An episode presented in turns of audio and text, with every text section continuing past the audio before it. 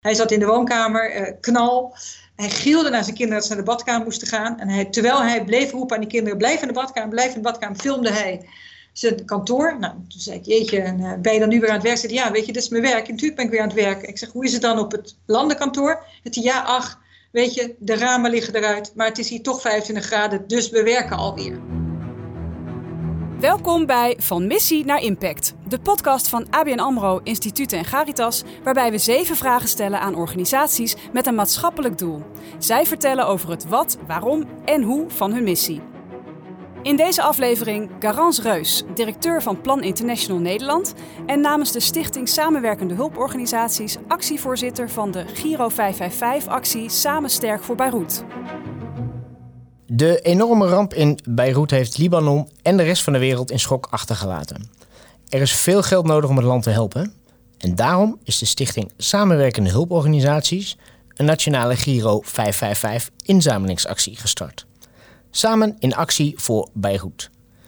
Daar gaan we het straks uitgebreid over hebben met Garance Reus. Maar laat ik beginnen om je van harte welkom te heten, Garance. Ja, heel graag gedaan. Kun je iets vertellen over jullie organisatie? Wie, wie zijn jullie? Waar zijn jullie mee bezig? Ik zit hier inderdaad vandaag als uh, trotse actievoorzitter van wat bij het grote publiek bekend is als Giro 555, uh, de samenwerkende hulporganisaties. Dat zijn elf hulporganisaties in Nederland met een rolerend voorzitterschap. Ik ben in het dagelijks leven, om het zo te zeggen, de directeur van Plan International Nederland. Uh, maar deze week, deze actieweek, dus de actievoorzitter namens elf hulporganisaties. Wat is jullie missie van de, van de samenwerkende hulporganisaties? Giro 555 komt in actie, komt gezamenlijk in actie bij een uitzonderlijk grote ramp, waarbij het um, effectief is om snel, gecoördineerd en samen in actie te komen. En daarom dus de actie voor Beirut, waar van de ene dag op de andere natuurlijk een enorme explosie plaatsvond. Uh, met een ongekende schade waar heel snel noodhulp moest worden geleverd. En op zo'n moment neemt het bestuur van, de Giro, van Giro 555, en dat bestaat uit een aantal onafhankelijke bestuursleden en de elf directeuren van de deelnemende organisaties, op zo'n moment neemt het bestuur een besluit, wij gaan in actie komen. Dus 36 uur na de ramp is er een bestuursbesluit genomen, wij komen als gezamenlijke hulporganisatie in actie. Uh, en de volgende dag letterlijk is de actie begonnen. De Stichting Samenwerkende Hulporganisaties heeft als belangrijkste doel om zoveel mogelijk geld in te zamelen bij een internationale humanitaire ramp. Sinds 1984 zijn er 44 nationale Giro 55 acties gehouden, waarbij in totaal meer dan 845 miljoen euro is ingezameld. Na aftrek van de actiekosten wordt het ingezamelde geld verdeeld over de 11 organisaties. Giro 555 laat in een totaalrapportage zien hoe het geld is besteed en hoeveel mensen zijn geholpen. Kijken we bijvoorbeeld naar de laatste actie, Help slachtoffers hongersnood, dan zien we dat er in totaal 466.000 mensen direct zijn geholpen met voedselhulp. Nog eens 133.000 mensen ontvingen medische zorg. En er is bijna 23 miljoen liter water uitgedeeld. En ondervoede kinderen kregen in totaal bijna 16 miljoen zakjes pinda's.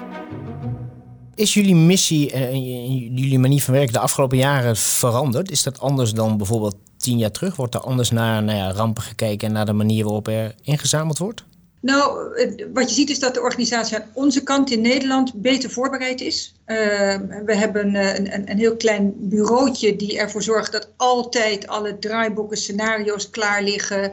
Dat er een, een webplatform klaar ligt. Er is een, uh, actieteam eigenlijk bestaande uit medewerkers van alle elf organisaties die ervoor zorgen dat ze hè, vakanties met elkaar afstemmen zodat ze snel kunnen draaien. Dus dat is allemaal veel strakker en professioneler geworden, waardoor we inderdaad dus heel snel in actie kunnen komen. En wat je in, in bredere zin ziet in de sector is dat de, um, de, de partnerships die we hebben lokaal in heel veel landen, die zijn heel erg versterkt. Uh, dus de, de relaties die wij bijvoorbeeld in Libanon, maar ook in andere landen hebben met lokale partners, die combinatie dat we hier goed voorbereid zijn uh, om snel in actie te komen bij een ramp, maar dat ook de hulporganisaties allemaal zelf langdurige relaties aangaan met lokale partners. En dat je dus niet in een soort situatie terechtkomt van hit and run of dat je je relaties nog moet opbouwen. Dat zijn twee dingen die ervoor zorgen dat we denk ik nu wel veel effectiever kunnen zijn dan we misschien een decennium geleden waren. Ja. Nou, dat, dat, klinkt in ieder geval al heel goed. Kun, kun je iets, iets over deze specifieke actie vertellen? Waar zijn jullie mee bezig? Wat, wat, gebeurt er allemaal uh, deze dagen? Ja, nou laat ik even beginnen met wat er nodig is in uh, Beirut. Dat, uh, dat heeft iedereen natuurlijk kunnen zien. Er is echt in, in luttele minuten is een hele stadswijk weggeblazen.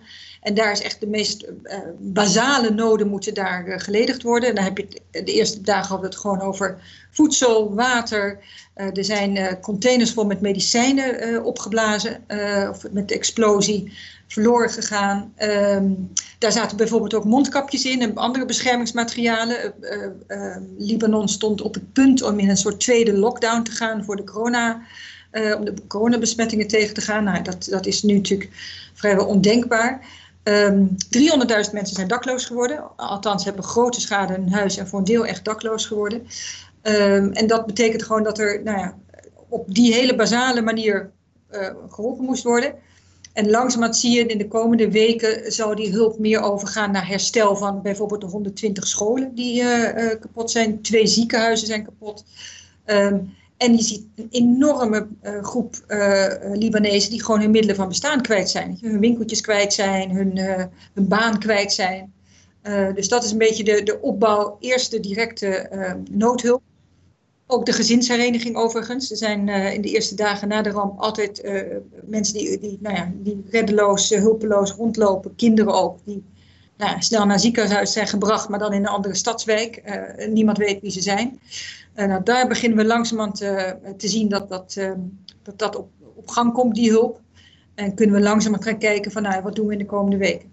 En hoe ziet de actie eruit? Als in van hoe, hoe halen jullie, nou ja, vooral geld dan, hoe halen jullie ja. dat op? Het mooie aan Giro 55, het is, het is bijna, ik zou bijna zeggen, een bekend merk geworden in Nederland. Zodra je uh, aankondigt, we gaan in actie komen, dan zie je ook uh, belangeloze medewerking van omroepen, NPO, maar ook de commerciële omroepen, Um, we hebben bijvoorbeeld van een aantal social media een platform gekregen om, om actie te gaan voeren. We zitten natuurlijk wel een beetje anders dan wij normaal zitten. En normaal zie je dat overal in Nederland uh, vrijwilligers opstaan en die gaan uh, sponsorlopen doen en uh, taartjes bakken en collectes doen op de camping.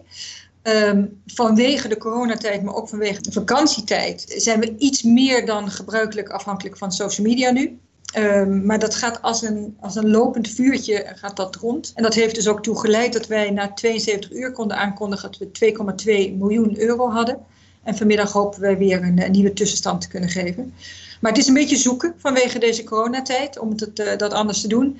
Uh, maar er is meteen een enorme mobilisatie plaats. En al die elf organisaties hebben natuurlijk ook een eigen achterban.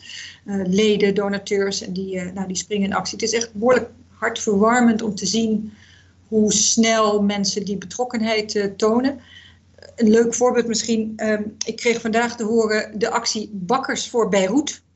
Een aantal bakkers die hebben zich verenigd en die zeggen, nou ja, weet je, wij gaan de klanten vragen een euro meer te betalen voor een brood of een speciaal Beirut brood. En dat zeggen zij omdat die iconische, zou ik bijna zeggen, beelden die je gezien hebt van die verpletterde haven, die ja, die grote betonnen staketsels die zijn blijven staan, zwaar beschadigd, dat waren de graansilo's van Libanon. In wezen zat daar de graanvoorraad in van zes maanden voor het land. Het land was al in economische crisis. Dus nu komt acuut de voedselvoorziening in, uh, in gevaar. En dan zo'n bakkers voor Beirut actie, ja, vind ik prachtig is heel erg mooi en uh, heel symbolisch ook. Al dit soort, dit soort kleine lokale acties, of, of, of, bijna door, door één pitters bedacht. Zit daar ook nog een, een, een mechanisme vanuit jullie achter? Of is het echt zeg maar, het grote verhaal en, en dan gaan mensen vanzelf wel lopen? Hoe, of, of zit, er nog een, zit er nog een andere strategie achter?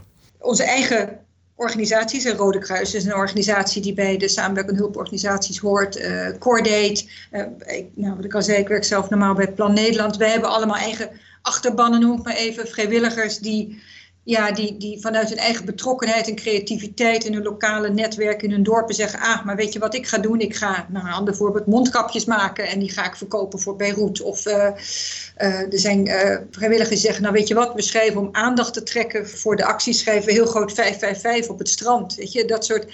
Dus er komt een zekere nou ja, vanuit de samenleving heb je altijd dit soort creativiteit. En wat wij doen is, nou ja, naast de, de traditionele werving die wij doen, uh, met via social media, maar ook via direct mail.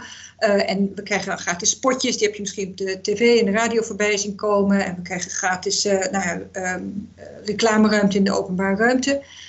Daarnaast, wat wij ook doen, is gewoon die voorbeelden nemen en die weer verder delen om mensen te stimuleren om nou ja, weer op actie te komen. En eigenlijk werkt het altijd heel mooi op elkaar in. Ik merk ook, wij hebben een team hier zitten. Nou, dat zijn dus mensen van alle verschillende organisaties die meedoen.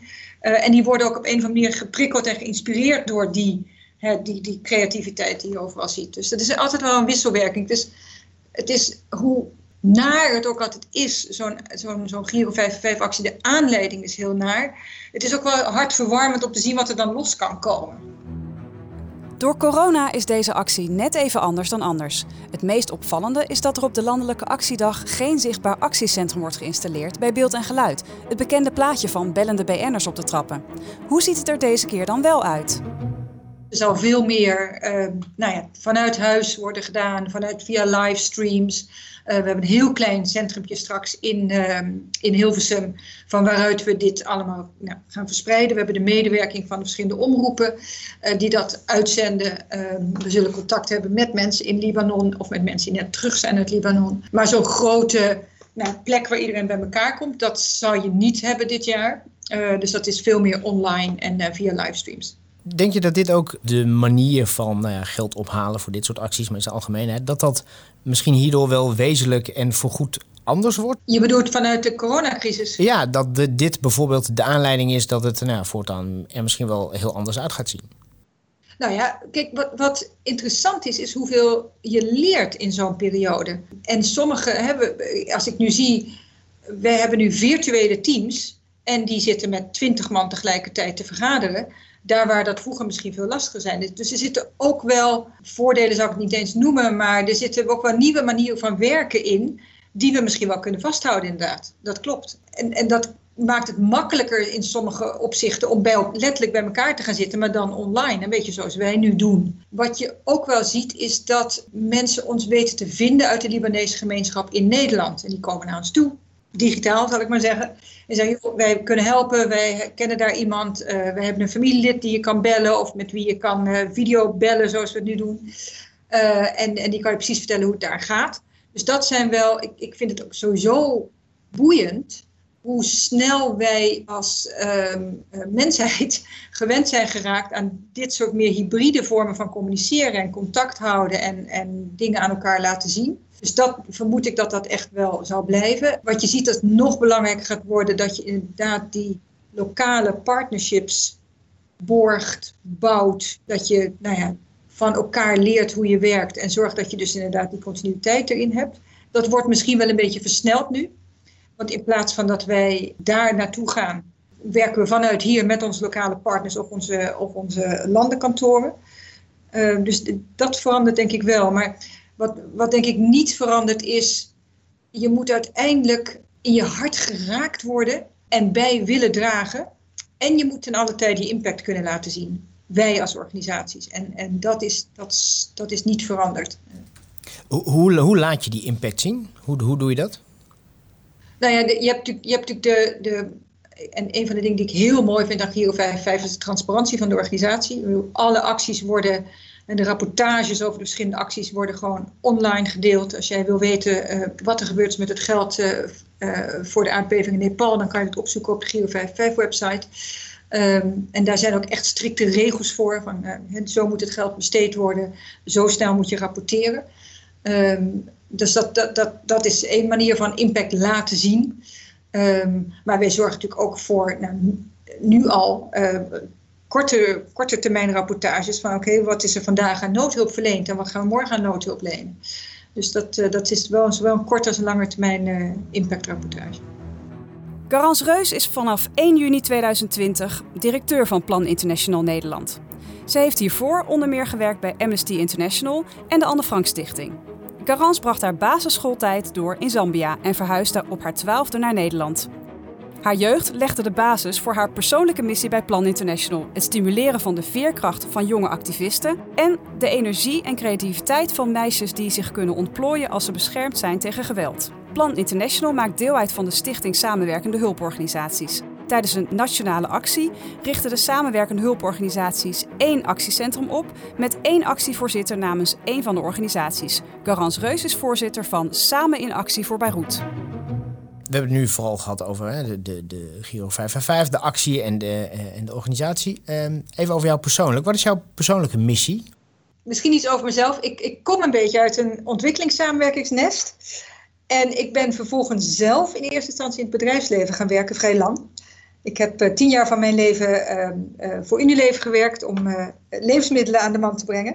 En daar heb ik ongelooflijk veel geleerd. Dus ik, ehm, ik denk dat ik een, een, je mag mij samenvatten als een praktische, resultaatgerichte, in zekere zin zakelijke idealist. Ik vind het wel belangrijk om die, die, die werelden te combineren. dus ik, ik denk graag in, oké, welke mensen, middelen hebben we en wat gaan we daarmee bereiken. Maar dat wordt natuurlijk heel erg gevoed vanuit mijn, mijn, mijn jeugd. Ik ben opgegroeid in Zambia. Um, en vanuit de, de, de, de passie die ik uh, gevoed heb, uh, ervaren heb bij de uh, not-for-profit organisaties waar ik gewerkt heb. Dus die, die combinatie is een beetje, dat kenmerkt mij wel. En waar word jij blij van? Waar, waar dat kan specifiek deze actie zijn, maar kan ook in zijn algemeenheid. Waar word jij nou echt diep gelukkig van? Uh, ik word gelukkig als een team draait, als er flow zit. Je treft mij nu op de vijfde dag van de actie. Ik slaap ongeveer vier uur per nacht en dat, is, dat wordt niet meer de komende drie dagen. Uh, dus dat is een beetje een adrenaline rush. Maar elke ochtend nou, kom ik weer hier en dan denk ik, ah, het team zit er weer, we gaan er weer voor. Uh, we, we, nou ja, we zien weer deze creatieve voorbeelden. Uh, de, de, de, Nederlandse doet nog steeds een bijdrage. En ik, ik vind het mooi om te zien hoe, nou ja, wat ik daaraan bij kan dragen, dat die, die teams draaien, dat die nou, efficiënt opereren, maar ook met een, hun, hun geest open houden voor die creativiteit. Ja, daar word ik echt heel erg gelukkig van. En als ik dan ook eens een keertje onze country director spreek in uh, Libanon. En die, uh, nou ja, die was thuis toen uh, de explosie plaatsvond. En nou ja, hij stuurde mij een filmpje en zei, ja, weet je, dit gebeurde er. Hij zat in de woonkamer, knal. Hij gilde naar zijn kinderen dat ze naar de badkamer moesten gaan. En hij, terwijl hij bleef roepen aan die kinderen, blijf in de badkamer, blijf in de badkamer, filmde hij zijn kantoor. Nou, toen zei ik, jeetje, en, ben je dan nu weer aan het werk? Zei ja, weet je, dit is mijn werk. En natuurlijk ben ik weer aan het werken. Ik zeg, hoe is het dan op het landenkantoor? Het ja, ach, weet je, de ramen liggen eruit, maar het is hier toch 25 graden, dus we werken alweer. Weet je, daar, daar word ik ook heel blij van. Ja. Heel goed. Uh, dan, uh, dan, dan zijn we er doorheen, denk ik. Jij wilde volgens mij ook nog een, uh, een laatste oproep doen. Een persoonlijke. Ah. Dat mag. Ja, ja nou ja, ik, ik maak heel graag tijd vrij voor deze podcast in deze tijden. Um, maar ja, mijn missie deze week is gewoon te zorgen dat wij vrijdagavond, als wij de voorlopige einduitslag aankondigen van deze Giro 555-actie, uh, dat daar echt een mooi bedrag voor Libanon staat. Het gaat miljarden kosten om Libanon weer op te bouwen. En alleen al voor de hulp in de korte te, op de korte termijn zijn er echt honderden miljoenen nodig. Dus ik maak graag van deze gelegenheid gebruik om iedereen die naar deze podcast luistert te vragen: ga naar Giro 555 en geef die kans moet je me niet laten, uh, die moet je me niet ontnemen. Geef aan Giro 555. Uh, samen in actie voor Beirut, want het is echt ontzettend hard nodig. Nou, heel goed. Dankjewel. Dank uh, voor deze oproep. Dank ook voor je medewerking aan de podcast. Ontzettend fijn dat je in deze drukke tijden tijd wilde maken. En uh, heel veel succes met alles wat je gaat doen.